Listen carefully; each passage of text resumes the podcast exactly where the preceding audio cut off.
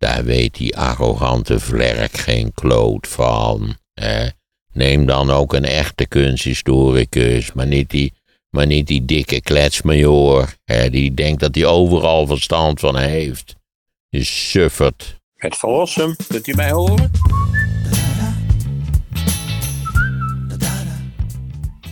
Je gaat vandaag kunsten behandelen, begrijp ik. Het idee was om iets aan kunst te doen, ja. Omdat dat, dat, dat eigenlijk... Nou ja, we, we schieten eigenlijk niet echt op met, met Tony Judd. Want als ik het zo bekijk, zijn we pas bij hoofdstuk 9 of zo. Maar dus er komt nog een heleboel postwoor. Er is wel nog in de reactie eh, binnengekomen. Postwar is ook volop te verkrijgen in een Nederlandse vertaling bij uitgerij- eh, uitgeverij Olympus onder de titel Na de oorlog, zegt Sietse Wolters. Heeft dat laten weten. Nou ja, de titel is wel knap vertaald. ja, zeker weten, ja. Ja. Dus Tony, maar goed, Tony Judd is ook niet zo gek. Het is een heel dik boek, dus... eh, Meer dan 700 pagina's. En dan is het, het, notenapparaat moet je op het internet raadplegen. Kennelijk had de uitgever geen puf om er nog 200 bladzijden notenapparaat aan toe te voegen. Over kunst nog een paar reacties die ik verzameld heb. Eh, dan kun je daarna je onderwerp vertellen. Een van de meest fascinerende schilders was wat mij betreft Han van Meegeren. De meester van valsen. Zeker, zeker. Dat is natuurlijk ontzettend. Dat is een, echt een cause célèbre. Namelijk iemand wiens, wiens eh, eh, fake 17e eeuwse, valse 17e eeuwse schilderijen door, door allerlei deskundigen voor, voor eh, werkelijkheid werden gehouden. Dat is natuurlijk leuk omdat dan dus de zogenaamde deskundigheid van kunstdeskundigen, nietwaar, nietwaar, die wordt onthuld als nepdeskundigheid, want ze hebben het niet gezien. En wat we later ook hebben gezien met die dagboeken van Hitler.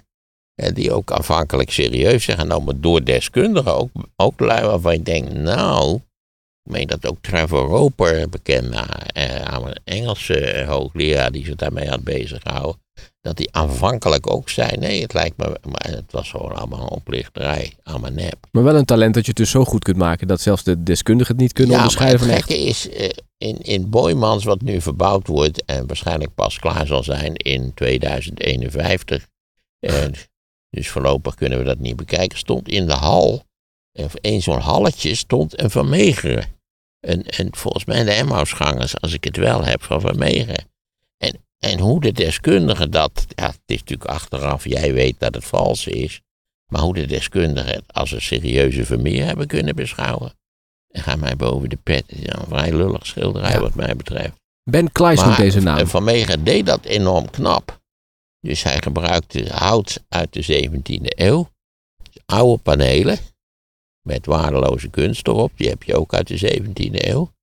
En dan eh, hij wist precies hoe die lui wat voor techniek ze gebruikten. De ronde. En, en hoe dat laag voor laag werd. Nou, Dat, de hele zantenkraam, dat had hij prima in de vingers. Want toen hij aangeklaagd werd, heeft hij ook tegen de rechter gezegd: van ja, u, u, u gelooft het allemaal niet, dat wat ik vertel. Maar zo is het echt gegaan. En ik zal een schilderij maken. En zo kan ik iedereen laten zien hoe je dus een, een nep 17e eeuw schilderij kunt maken. Wat klaarblijkelijk door de deskundigen nauwelijks kan worden onderscheiden van de werkelijkheid. Dus ja, ik moet zeggen, ik vond het ontzettend geestig. Dit is ook degene die dit eh, schrijft, is Ben eh Kleijs. En die zegt ook, ja, die Han van Meegeren, de meestervervalser dus, die alle kunstliefhebbers en kunstcritici voor en tijdens Wereldoorlog 2 op het verkeerde been zette, inclusief Brevius. Wist je dat van zijn eigen vroege werk, het hertje, op zeker moment in honderdduizenden Ja. huishandels één reproductie hing? Toch was het voor hem niet genoeg een intrigerend persoon waard voor een aflevering, schrijft Ben. Ja, hij voelde zich niet erkend. Ja, niets is erger dan mensen die zich niet erkend voelen. Niets is erger als ressentiment tegen, tegen de wereld die je afgewezen heeft. Ja. Maar eh, Van Meegen is er rijk van geworden. Heeft er een heel lollig villaatje aan de, aan de Franse zuidkust van gekocht tot geld. Ik geloof dat hij in totaal, als je het allemaal uitrekent en, en naar huidige prijzen, dat hij iets van 34 miljoen verdiend heeft met die, eh, met die verkoop. Ik geloof dat, eh, hoe heet het, de Geuring er ook in getuind is, eh, die ook altijd bezig was om een kunstverzameling, een omvangrijke kunstverzameling op te zetten. Maarten, ik ben, dit zegt iemand anders weer, Jaap Temming. Ik ben door onder andere de enthousiaste podcast van je over kunst begonnen met een cursus kunstgeschiedenis. Heel goed, heel goed. Deze gaat van de oude Grieken tot en met de moderne kunst. Hoewel sommige mensen klagen dat een aflevering over kunst saai is, wil ik jullie toch vragen ermee door te gaan. Sowieso vind ik dat de klagers en schelders te veel het woord krijgen in de podcast. Het is natuurlijk leuk om Maarten zijn prikkelende reactie hierop te horen, maar je kan wat mij betreft de reacties waaruit blijkt dat ze nooit werkelijk luisteren naar Maarten door zo uit te halen. De mensen lezen waarschijnlijk alleen koppen op sites als Mediacourant. Ga zo door, Jaap Temming uit Grote Gast. Ja, die heeft natuurlijk wel een beetje gelijk. Dat mensen. eh, ja, mensen kunnen heel slecht luisteren, is mijn indruk. Ze horen altijd wat ze graag willen horen of wat ze denken te moeten horen. Dat is punt één. En ik ben ook altijd gefrappeerd door het feit dat mensen zo ontzettend slordig lezen. Dat je denkt, lees dat nou nog eens een keer. Kijk nou eens wat er staat. Hè? Zelfs met mijn kinderen had ik dat. En dan zei ze, ja, eh, dit of dat bij het huiswerk overhoren. Zeg lees nou eens wat er staat. Hè? Lees het nou. Zet desnoods streepjes. Hè? Word sowieso als voor een halve garen versleten. Als je, zoals ik alles vol met streepjes zet. Maar het dwingt je wel om geconcentreerder te lezen. Ik zet zelfs een romans vol streepjes. Wat is de kunst die je vandaag gaat eh, doen? De kunst die ik vandaag ga doen, er moet eerst een verhaal bij verteld worden. Dat eh, lang geleden, in een, in een duister verleden om het maar even zo te zeggen, hadden wij een uitwisselingsprogramma als Nederlandse Amerikanisten met het Amerika-instituut in Berlijn. Van de, van de Duitse Amerikanisten. En dat was gevestigd in Dahlem, in een buitenwijk van Berlijn. Het is ongetwijfeld ondertussen daar verdwenen. Ik weet helemaal niet hoe het er nu mee zit. En zal naar het centrum van Berlijn verhuisd zijn of naar de nieuwe universitaire locaties. Maar goed, daardoor kwam ik met enige regelmaat in Berlijn. Waardoor ik ook met enige regelmaat natuurlijk de Berlijnse musea bezocht. En een van de bekendste musea was, vooral ook omdat het een heel bekend gebouw is, de, wat toen heette de Neue Nationalgalerie. Dat is een gebouw van Mies van der Rohe. Mies van der Rohe is een wereldberoemde architect, Duitse architect, natuurlijk uitgeweken naar Amerika geëmigreerd, waar hij van alles gebouwd heeft. En, en ik geloof dat dit, die Neue Nationalgalerie, dat gebouw, was eigenlijk het enige gebouw wat Mies van der Rohe na de oorlog in Duitsland heeft gerealiseerd. Het staat er nog steeds, het is onlangs helemaal opgeknapt. Die, eh, en, en iedereen vindt het prachtig. Het is een, een, een fameus voorbeeld eigenlijk van het, van het hoogmodernisme in de architectuur. En je begrijpt al, ik was er veel minder enthousiast over. Het is, het is een glazen onderkant met een, naar mijn idee, veel te, te prominent en, en, nogal somber neerdrukkend, letterlijk en metaforisch neerdrukkend dak. Maar in, dat, in die Neue Nationalgalerie, gaat u maar kijken. Kijk eerst het gebouw even, het staat op een soort verhoging, het is er nog steeds. Er zijn eh, ook recent nog wel geweest, maar is nu alleen maar hele moderne kunst. Of, eh, laten we zeggen, 20e eeuwse kunst in de breedste zin van het woord. Was ook een kelder. En in die kelder hingen schilderijen, ook 19e eeuwse schilderijen. En ik, ik weet wel dat ik daar voor het eerst kwam. En, en dat ik eigenlijk eh, onmiddellijk totaal onder de indruk was van twee schilderijen die daar hingen. Niet eens zulke hele grote schilderijen, maar eigenlijk kleine schilderijen. Maar het was direct alsof ik door de bliksem werd getroffen. Ze hingen ook vrij dicht bij elkaar, merkwaardig genoeg. Eh, en dat was het schilderij van Monet, De Zomer, dat hebben we al besproken. Een, nou, eigenlijk een soort, soort stolling van alles wat er goed is aan het impressionisme. En wat hing daarnaast, ik denk vijf, zes schilderijen verderop, hing een schilderij dat heette Das Balkonzimmer, de balkonkamer. En dat, dat trof mij al evenzeer als dat schilderij van de zomer van Monet. Maar het grote verschil was natuurlijk dat het schilderij van de balkonzimmer, dat was geschilderd door een Duitse schilder genaamd Menzel. M-E-N-Z-E-L. Adolf Menzel. Later helemaal is hij vanwege het enorme succes van zijn werk in de loop van de 19e eeuw, is hij in de adelstand verheven. Ik dacht zelfs in de orde van de zwarte adelaar, wat dan weer enigszins op je eh, niet waar, op je, je lachvermogen werkt. Dat schilderijtje, de dat is balkoonzimmer, dat is een betrekkelijk klein schilderij. En het is fantastisch. Het, het, het is eigenlijk een, een kamer die er eigenlijk nogal slordig gemeubileerd uitziet. En er is een openslaande deur naar het balkon en daar eh, is een vitrage, hangt daar voor die, voor die openslaande deuren die een beetje naar binnen waait. En het is de, als je nou zegt wat staat eigenlijk op, dan moet je zeggen ja, eigenlijk niet zoveel. En toch tegelijkertijd is het, is het, een, is het meesterwerk wat je, wat je bijblijft. En ja, het deed me merkwaardig genoeg denken aan. Uh, ik heb ooit uh, natuurlijk vrij recent uh, de nieuwste vertaling van Anna Karenina gelezen. En daar hebben we ook regelmatig reclame voor gemaakt. En de vertaler van, dat, van Anna Karenina. Die heeft ook een bijzonder leuk essay geschreven over vertalen en over Anna Karenina. En die zegt ook, ja, waar gaat Anna Karenina eigenlijk over? Nou, die hebt natuurlijk die, die hele liefdesgeschiedenis, maar eigenlijk gaat het gaat het nergens over. Gewoon over het leven zoals het is. En dat heb je ook een beetje bij die balkonziemen. Is het, heeft het een boodschap? Geeft het een historische les? Eh, is het iets waardoor de tranen je. Nee, het, het is iets, iets. Het is in feite een, een zomermiddag. Ik denk altijd een, een zomermiddag in, in, op, een, op een zondag die vitrages die, die, die wuiven daar, die waaien daar met een heel licht zuchtje van wind, waaien die vitrages daar naar binnen. En ik ben natuurlijk niet de enige die door dat balkonzima getroffen is, want dat is in de loop der jaren eigenlijk uitgegroeid tot een van de meest veel bekeken en becommentarieerde schilderijen van de 19e eeuw en zeker van Duitse schilders in de 19e eeuw.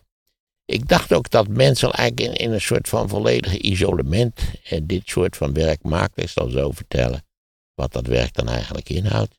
Eh, maar dat blijkt niet zo te zijn. Bijvoorbeeld de Degas, die, zei, die, die had ook werk van mensen gezien. Die zei: het is, het is meesterlijk, het is, het is fantastisch werk. Want dat is wel een zaak van gewicht. Als je dat balkon ziet hangen, denk je, vooral omdat het ook in de buurt van Monet hing, denk je, het is impressionistisch. En dan kijken wanneer het geschilderd is, 1845. Dus ja, het is, eh, hoe wonderlijk het ook klinkt, het is pre-impressionistisch. Maar nu Mensel. Want Mensel was een, vrij uitzonderlijke figuur. Want Mensel was een dwerg. Dus hij was, ik geloof, nog geen 1,50 meter. En een dwerg met een heel groot hoofd ook nog. Hij is nooit getrouwd, moest niets van vrouwen hebben. Hij is heel oud geworden, geboren in 1815 in Breslau, het huidige Wroclaw, en is overleden in Berlijn in 1905. En bij de begrafenis van eh, toen dat tijd al von Mensel, nietwaar, liep de Duitse keizer Wilhelm II voor in de begrafenisstoet. Dus hij werd als een, als een, een zeldzame corrivee behandeld bij zijn begrafenis. En uh, Mensels vader was een lithograaf en eh, die is relatief jong overleden, waardoor Mensel eigenlijk alle vrij, jeugdige leeftijd het geld voor de familie moest verdienen. Ook nog twee zusters natuurlijk en aanvankelijk een moeder. Eh, eh, en hij begint ook als illustrator in feite. Hij heeft een enorme reeks van, van houtsneden, hele fantastische houtsneden gemaakt. Eh, hij was een groot liefhebber van Frederik de Grote, die hij op allerlei wijzen heeft vereeuwigd in de loop der tijd. Hij was eigenlijk een soort hofschilder geworden. Hij heeft dus ook heel verschillend werk gemaakt. Er zijn typische, ja, een bal aan het hof, aan het Pruisische hof. Dat kon uh, het geval zijn. Uh, er hangt zeker het, al het werk van Mensel, althans wat vrij bij elkaar hangt. Er is natuurlijk meer werk ook buiten, merkwaardig genoeg, ook buiten Duitsland wel werk van Mensel aanwezig. Maar hangt in wat nu de Alternationaal Galerie is. Dat is op het bekende uh, Museuminsel in Berlijn. En dat is een soort Griekse tempel die op een lichte verhoog gaat. U daar vooral kijken. Het kan druk zijn, maar, dat komt vooral omdat het, de kaartjesverkoop uh, bar slecht geregeld is. Nou ja, erg formalistisch Duits geregeld is met rijen en Nou, er zitten meerdere dames die dan uh, uit de neus zitten te eten. En is maar. Nou, laat ik daar niet te veel kritiek op hebben. en Boer, die zei, waar maak je je toch druk over? Maar zoiets kan mij dan grenzeloos irriteren. Dat je dan drie dames hebt zitten, waarvan maar één iets doet. Dat, nou goed, dit slaan we even over. Alternationaal Galerie tegenwoordig. Een hoop werk van Adolf Mensel. En het wonderlijke van Mensel is dus dat hij die, die hofschilderij, dat had hij onder de knie. Eh, eh, hij maakte ook historische schilderijen, vooral betreffende Frederik de Grote. En het gekke is dat ik mij eigenlijk, toen ik erover na ging zitten denken, plotseling, hij heeft een heel bekend schilderij gemaakt. U kunt het zo vinden op het internet. Al die dingen kunt u allemaal zo vinden op het internet. Eh, en dat heet, dat is dat je Frederik de Grote ziet die muziceert in het paleis Sanssouci. En wij hadden thuis vroeger een langspeelplaat en die heette Fleuten in Sanssouci.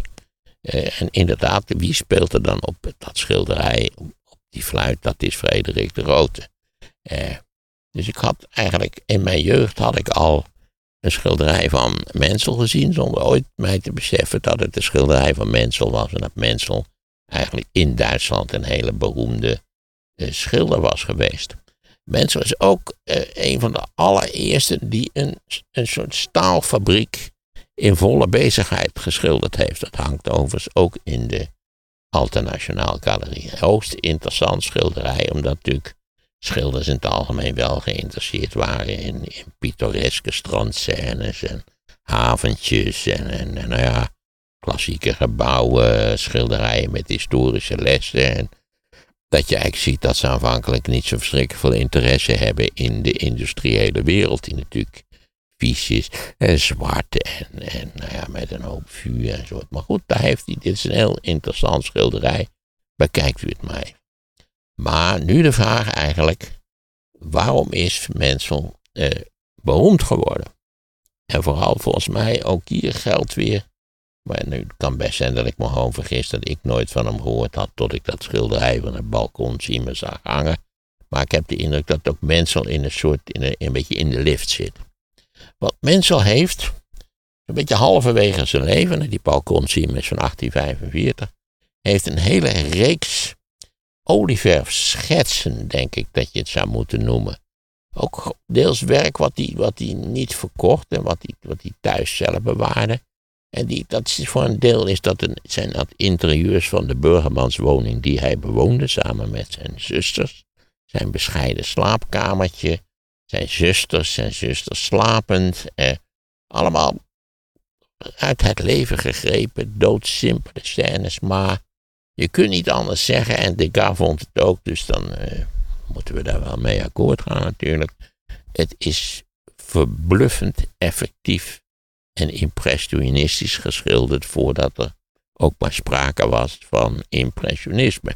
Of je moet denken aan Frans Hals, die dan ook wel eigenlijk in allerlei opzichten onder de knie had om zijn fijn impressionistisch schilderij op het doek te zetten. Ja, dus dat zijn al die schetsen van. Die moet u daar gaan bekijken. Dat is de enige, dat is de enige oplossing. Natuurlijk zijn allemaal vrij bescheiden schilderijen. En uh, nou ja, dat balkonschema is, is een van de hoogtepunten. Het gekke is, er bestaat een serie postzegels van de Bondsrepubliek. Dat heet Deutsche Malerij. En zijn voor de 19e eeuw, dus door de eeuwen heen, voor de 19e eeuw zijn daar drie schilderijen opgenomen.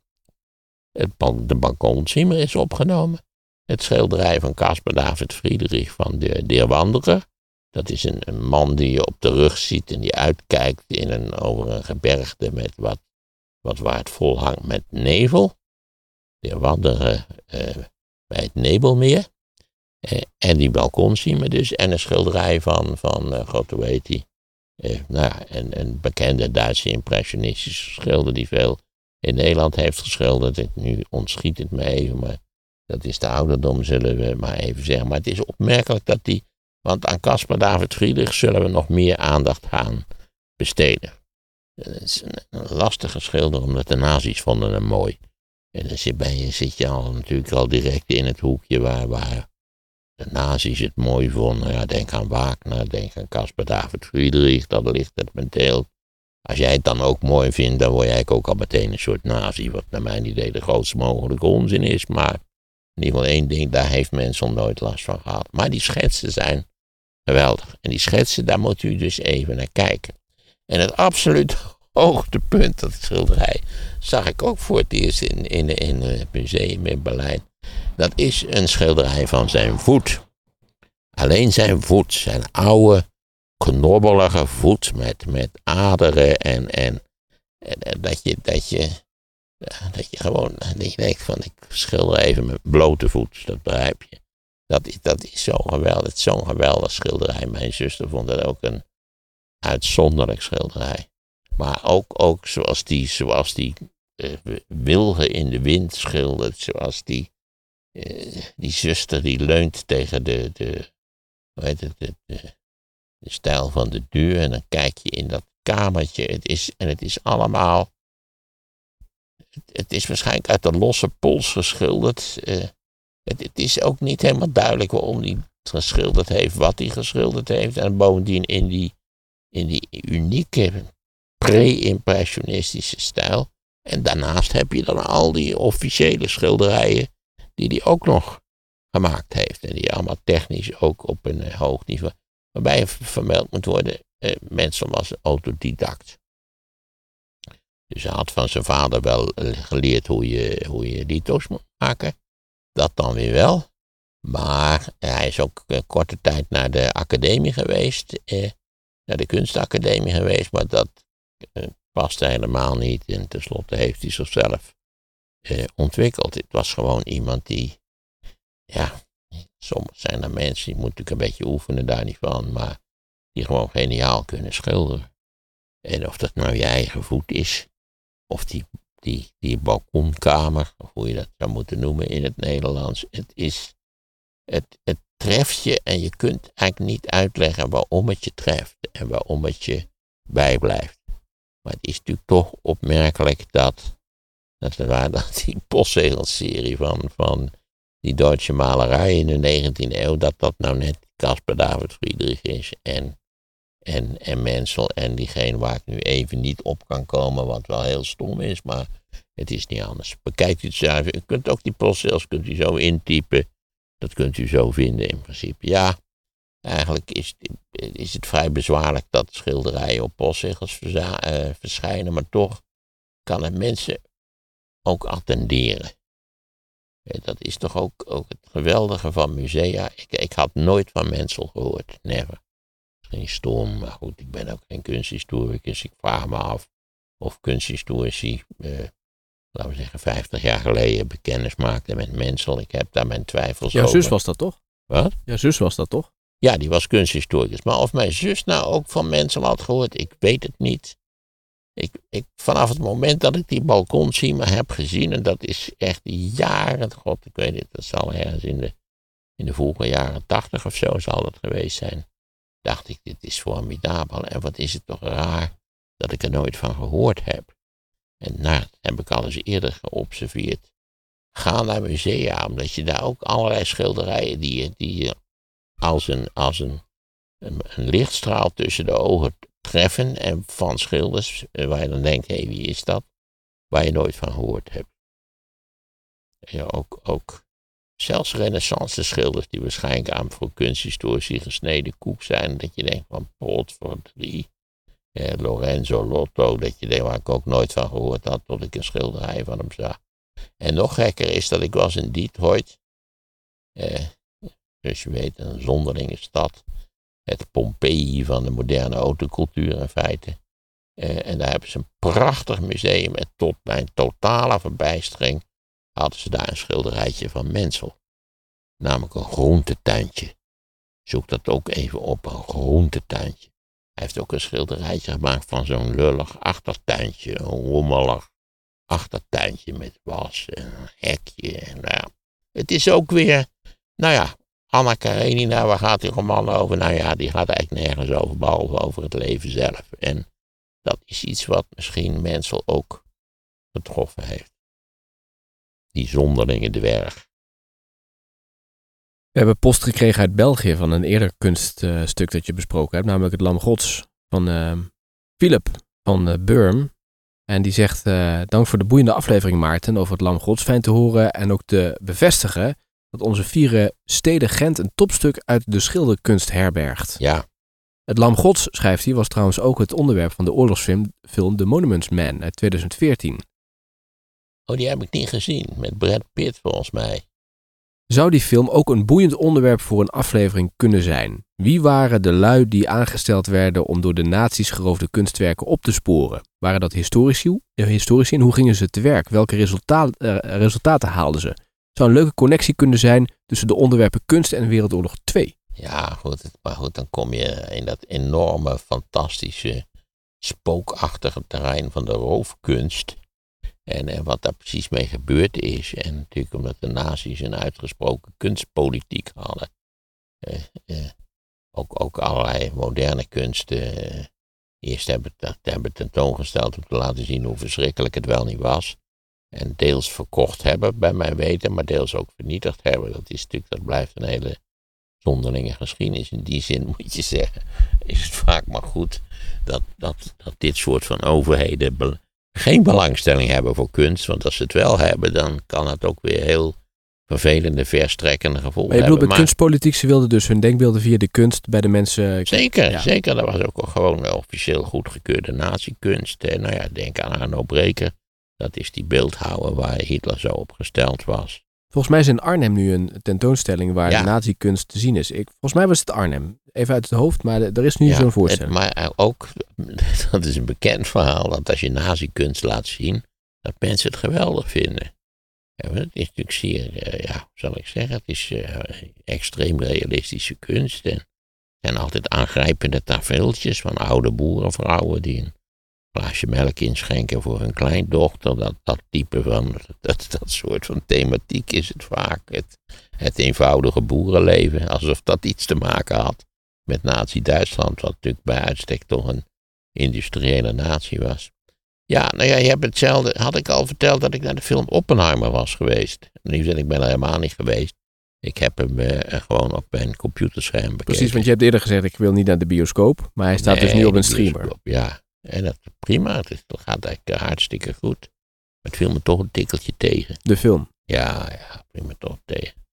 Ik vond, ja, het is natuurlijk begrijpelijk dat je dat, dat, dat bittere, eh, dat bittere einde van Oppenheimer, als hij dan zijn security clearance verliest, als gevolg van het, van, van laten we zeggen, toch, eh, puur McCarthyistische impulsen. Ja, boerenlullen aan de macht, zal ik maar even zeggen, die, die hem eh, klein en kapot gemaakt hebben. Dat hij dat dan laat doen, dat is dan weer een ander probleem, want ook daar, hoe heet het, Einstein komt ook voor in de film. Lijkt niet zo heel erg op de echte Einstein, maar toch uh, is die man met wild wit haar en een grote snor. je zult toch Einstein moeten spelen, dat lijkt me ook zo. Dat, ik weet niet of dat, dat lijkt me verschrikkelijk eerlijk gezegd. En Einstein zegt, je moet je, moet je niet laten kleineren, hou op, het, zijn, eikels, enzovoort, enzovoort. Uh, ja, dat is eigenlijk heel tragisch. Uh, nu ik, nu al associërend hier, hier, het hierover te, kom te spreken, dat natuurlijk al die Duitse intellectuelen die uitgeweken waren naar, eh, als de nazi's aan de macht komen in 1933, dat die gedeeltelijk hun weg naar Amerika hebben gevonden. Een hele reeks van hen zijn hoogleraar geworden, prominente journalisten, eh, als schrijvers doorgegaan. Hannah Arendt is daarvan een van de aller, allerbekendste voorbeelden. Eh, en, en ja, Amerika heeft, eh, was als emigratieland voor veel Joden de redding. Anders hadden ze het niet overleefd in Europa, zal ik maar zeggen. Dus Amerika was de redding. En dan tot hun verbijstering, nietwaar, komt het McCarthyisme op. Dus het is een soort van heksenjacht op iedereen die ooit enige linkse gedachten had gekoesterd. Ja, ik wil nou even niet de verwijzing met de tribunalen maken, maar, maar goed, eh, je, je, werd, je werd veroordeeld ook als je ooit in een demonstratie had mee, meegelopen of je handtekening had gezet voor de, voor de, eh, de Spaanse Republikeinse uh, troepen. We hebben daar een aflevering over gemaakt, dus mensen kunnen die terugluisteren. Ah, hebben we dat al gedaan. Ja. En de diepste tragiek is dat het tenslotte al die Duitse intellectuelen dachten, ja, dit is vreselijk. Dit is, dit is weliswaar, worden we niet met de dood bedreigd, maar dit is een samenleving die Die, ja, waar in feite, nou ja, ik wil de vergelijking niet, niet doortrekken, maar. En dat ze dus terug naar Europa gaan. En dan natuurlijk niet in Duitsland willen wonen, maar dat ze in Zwitserland gaan wonen. Maar Nabokov is toch ook een prachtig voorbeeld. Nou, had Nabokov nooit iets op met de, met de Amerikaanse samenleving. Als je Lolita, eh, maar goed, als u een absoluut vernietigend requisitoor tegen, tegen de Verenigde nou, populaire Amerikaanse cultuur wil dan moet u Lolita lezen, wat natuurlijk meestal niet om deze reden gelezen wordt, maar wat wel uh, zeer de moeite waard is. Hij heeft er overigens zo ontzettend veel geld aan verdiend aan Lolita, dat hij de rest van zijn leven op een verdieping van een duur hotel in Zwitserland heeft gewoond. Maar ik, vind, ik heb het altijd tragisch gevonden dat, dat Hannah Arendt is uiteindelijk heel jong, of heel jong, op 68ste overleden. Maar ze had toen al concrete plannen om weer te vertrekken uit de Verenigde Staten. Omdat ze toch dat, dat hele, ja, dat hele politieke klimaat, dat ze dat. Nou ja, Amerika heeft voortdurend van dit soort van, van, van rechtspopulistische bevlieringen. En dat is in de 19e eeuw had je de Know Nothing Movement en nou ja, McCarthyisme en dan nu in feite weer een nieuwe variant van dit. Het is altijd aanwezig in Amerika als onderstroom. En oké, het is niet verstandig om ze de deplorables te noemen, maar het is er altijd. En het kan geactiveerd worden door de historische gebeurtenissen. Maar het is toch tragisch dat iemand als Hannah Arendt, niet waar, die daar haar, haar een, een, vluchtadres had gevonden in Amerika, waar ze ook in allerlei opzichten geëerd werd als een belangrijke politieke denker, dat hij tenslotte besluit om te vertrekken. Nog een aanvulling van Philip op het, uh, want zo kwamen we hierop, op het Lam Gods. Hij zegt, uh, het schilderij Madonna met uh, Kanunnik Joris van der Palen van Jan van Eyck. Ja, ook een fantastisch schilderij. Hangt niet in Gent, zoals door Maarten vermeld, doch in het uh, Groeningen Museum in Brugge. Kijk eens, ja, dat heb ik me niet goed herinnerd. Het is een geweldig schilderij, al is het maar vanwege de leesbril van Kanunnik van der Palen. Het is een fantastisch schilderij. Dat museum, wat klaarblijkelijk dus in Brugge is en niet in Gent, dat is een geweldig museum ook. Was toch wel vrij druk, geloof ik. Even kijken. Ja, dan is er iemand die stuurde een bericht of jij een essay wil beoordelen. Nee, ik, ik moet zeggen dat ik uh, ongetwijfeld een hartstikke leuk essay, maar ook, ook boeken en zo. Uh, ja, mensen zeggen dan, ja, mijn vader heeft een boek geschreven, zou u dat eens willen lezen? Of ik heb zelf een boek geschreven, zou u dat eens willen lezen? Dat, dat zit er voor mij qua tijd gewoon niet in. Het klinkt gek, maar ik ben de bejaarde die het druk heeft, hoe wonderlijk het ook mogen klinken. Geachte professor, luistert het bericht. Ja, dat ben ik niet meer. Ik kwam bij u uit omdat u de bekende Nederlandse historicus bent. En ik wil u vragen om commentaar te geven op een essay over welke lessen we uit de wereldgeschiedenis kunnen trekken. Het is in feite een paragraaf van de nieuw uit te komen versie van een boek. En uh, ik ben benieuwd of u de nieuwe punten die uh, vermeld staan kunt toevoegen. Of dat u vindt dat bepaalde punten moeten verdwijnen of veranderd moeten worden. Bijvoorbeeld dank. Het essay is bijgevoegd, zegt uh, oh, Paul Wartena. Nou ja, je kunt het me toesturen over de mail kan er naar kijken. Ik heb geen idee. Ja, de wereldgeschiedenis het klinkt natuurlijk ook al wel buitengewoon ambitieus. Hè? Je weet hoe het zit met de wereldgeschiedenis. Als we die in twee zinnen samen moeten vatten is... De wereldgeschiedenis is een, is een enorme bak met onbeschrijfelijke gewelddadige stomzinnigheid.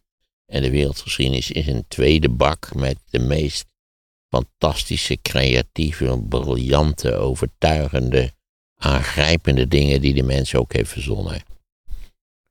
Sterker nog, zijn eigenlijk, nu ik er even over nadenk, niet twee bakken. Het is één grote bak waarin het allemaal door elkaar gehusteld is. Daarover gesproken kan Maarten niet één keer per week op tv een half uur vertellen over kunst, ter lering en vermaak. Geen nieuws meer, geen uitleg over bombardementen, alleen nog maar schoonheid. Kijk al jaren geen tv meer, maar hou, uh, ik zou hier wel voor gaan zitten. Ik zou het dolgraag doen. Ik kan het niet anders zeggen, omdat tv natuurlijk anders dan als we hier in dat autootje zitten. Sorry dat ik steeds autootje zeg, maar het is natuurlijk eigenlijk een auto. Hè? Ik vind het helemaal prima. Je mag het oh, een autootje noemen. Ja, het is toch ook een autootje? Oké. Niet... Zeker in vergelijking met waar we naast staan. Uh.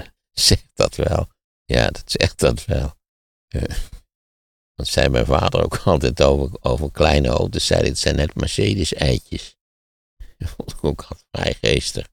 Ehm, ja, dat zou ik doorgaan doen, omdat je op tv plaatjes kunt laten zien. Hè?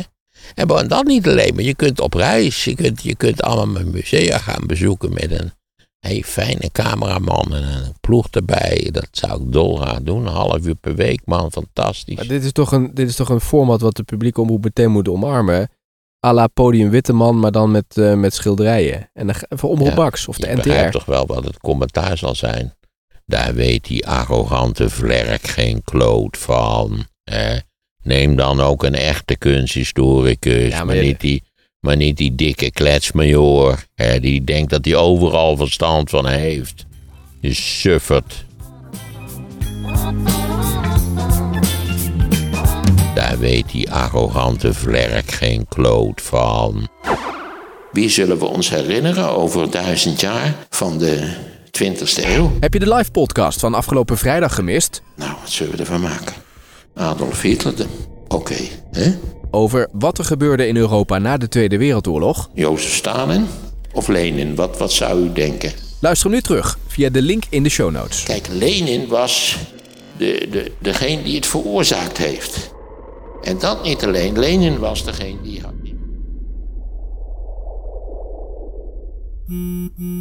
En waarom is het niet verstandig om je mobieltje op je nachtkastje te laten liggen als je gaat slapen? Dat hoor je in de podcast Sea Level. De link staat in de show notes.